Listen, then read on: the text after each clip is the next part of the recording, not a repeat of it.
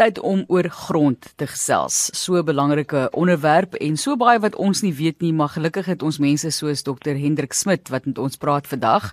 Hy's 'n bewaringslandbou fasiliteerder en grondkundige by Asset Research en die Milie Trust. En baie dankie Dr Smit dat jy met ons gesels. Hierdie konsep was vir my nuut en mense dink almal behoort te weet. So ek is baie bly jy's hier om vir ons bietjie te verduidelik. Dankie, welkom. Baie dankie Martelies en lekker om met julle te gesels.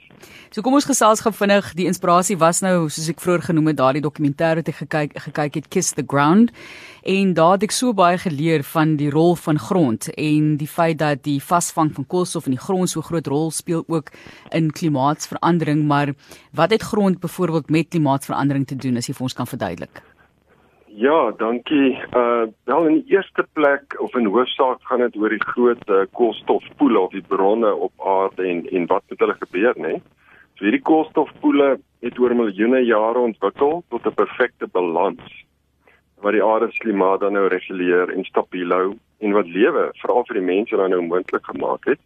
Ek wil net gou hierdie koolstofpoele noem en ek ek uh, lys hulle sommer so van die grootste tot die kleinste. Eersteen is die oseane en dan fossiel brandstowwe diep onder in die grond en dan grond spesifiek atmosfeer en dan plante of die biomassa van die plante. Natuurlik 'n uh, atmosfeer se rol om die hitte op aarde te reguleer met hierdie sogenaamde kweekhuiseffek. Maar hierdie balans is versteur, né? Versaaklik deur die mens.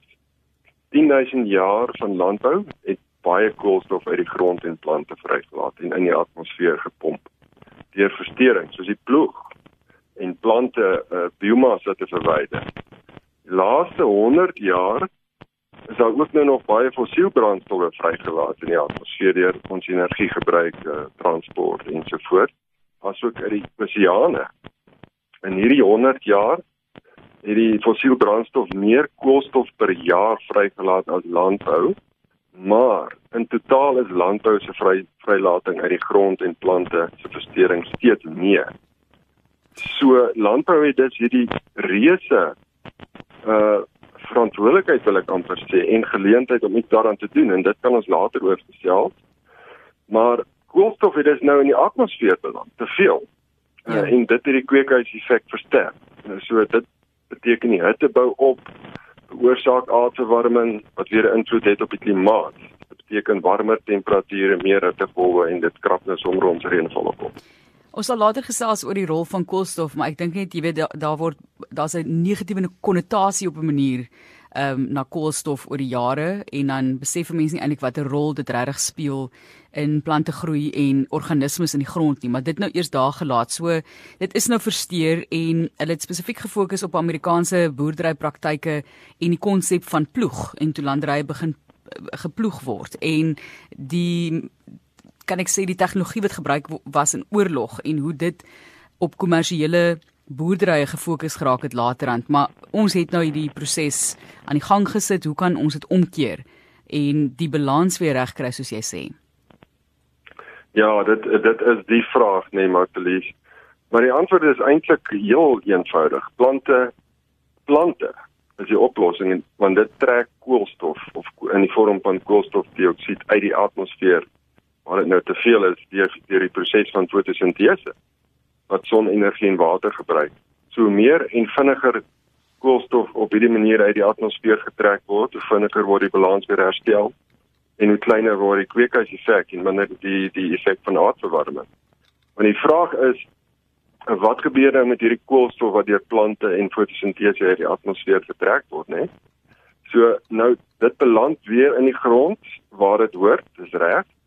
Uh maar ek wil gou-gou net 'n paar stappe uh bespreek of lei wat dit verduidelik want dit want dit is belangrik. So hierdie fotosintese koolstof, ek noem dit sommer so, word in die grond deur die plantwortels afgeskei. As vloeistof of 'n wortelsap kan jy sommer sê.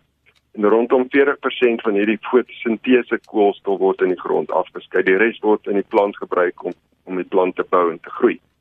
So hierdie vloeibare fotosintese koolstof is dan ook die ideale voedsel vir die grondbiologie. Nou dit is al die lewe in die grond en word ook genoem die grondmikrobiom of grondvoedselwet, né?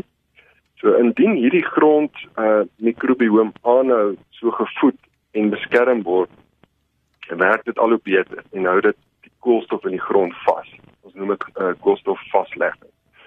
In in Engels carbon sequestration. En dis nie al nie en dit gebruik hierdie koolstof om verskeie ander goeie funksies en dienste te lewer.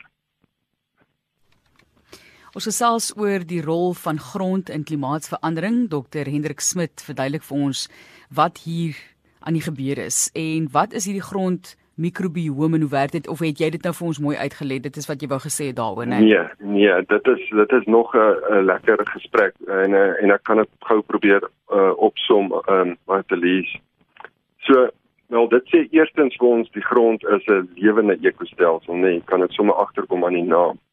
Want 25% van lewe op aarde is in die grond. Onder ons voete reg onder ons voete In 'n teelepel grond is daar meer mikroorganismes as mense op aarde. Dink bietjie daaraan.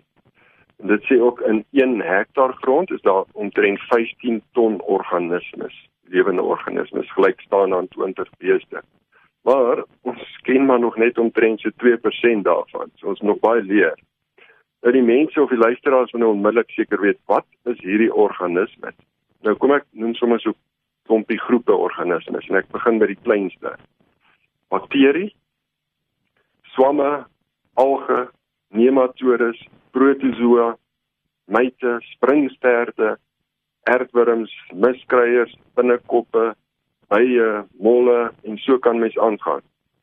In hierdie grondvoedselweb het elke spesies uh, of groep 'n unieke funksie en rol. Byvoorbeeld, noem net 'n paar voorbeelde van die bakterie van stikstof uit die lug uit want is want 78% uh, van die lug bestaan uit stikstof. Dit is nie daar. Dit binne suig dit uit die lug uit en gee dit aan die plant as 'n as 'n as 'n plantvoedingsstof. Ander swamme soos 'n uh, 'n baie unieke ene wat ons noem mycorrhiza swam met baie lang swamdrade wat water en minerale uit die grond myn, diep uit die grond uit myn en direk aan die plant gee. Nou organismes so swamme, myte, springsterte, aardwurms breek organiese organiese materiaal in die grond af en dit gee dit ook aan die grondvoedsel weg.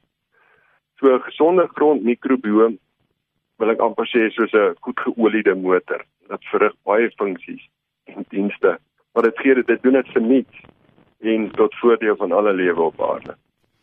Ons gas is Dr Hendrik Smit, bewaringslandboufasiliteerder en grondkundige wat met ons gesels oor dit waarop ons elke dag loop en soms oorloop en nie besef wat onder ons is nie.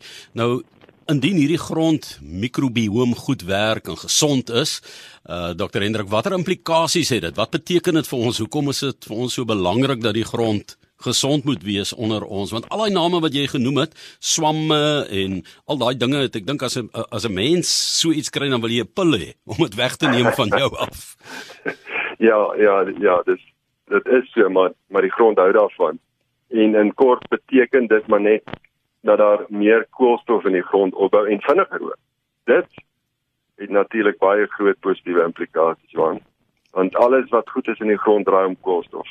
Dit is kortom 'n opsomming. En die grondgesondheid beter beter dit wat die wat die volgende funksies en dienste lewer. In eerste plek help dit om die watersiklus te herstel. Nou ja, dit dit koppel onmiddellik positief aan aan klimaatsverandering.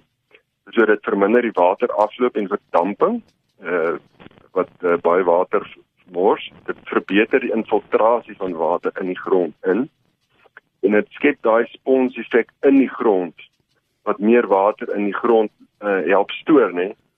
So jy mens kan nou hoor hierdie gesonde gronde bou dit vir ons klimaatveerkragtigheid. 'n uh, Gesonde grond is ook natuurlik meer vrugbaar en het ook minder siektes. Dis nou van die belangrikes. So wat gebeur as grondgesondheid verswak of verlore gaan? Wel, ons verloor net eenvoudig al hierdie funksies en dienste wat vernietig ons gegee word deur die natuur. Met ander woorde, die grond is minder vrugbaar, het minder water, meer siektes.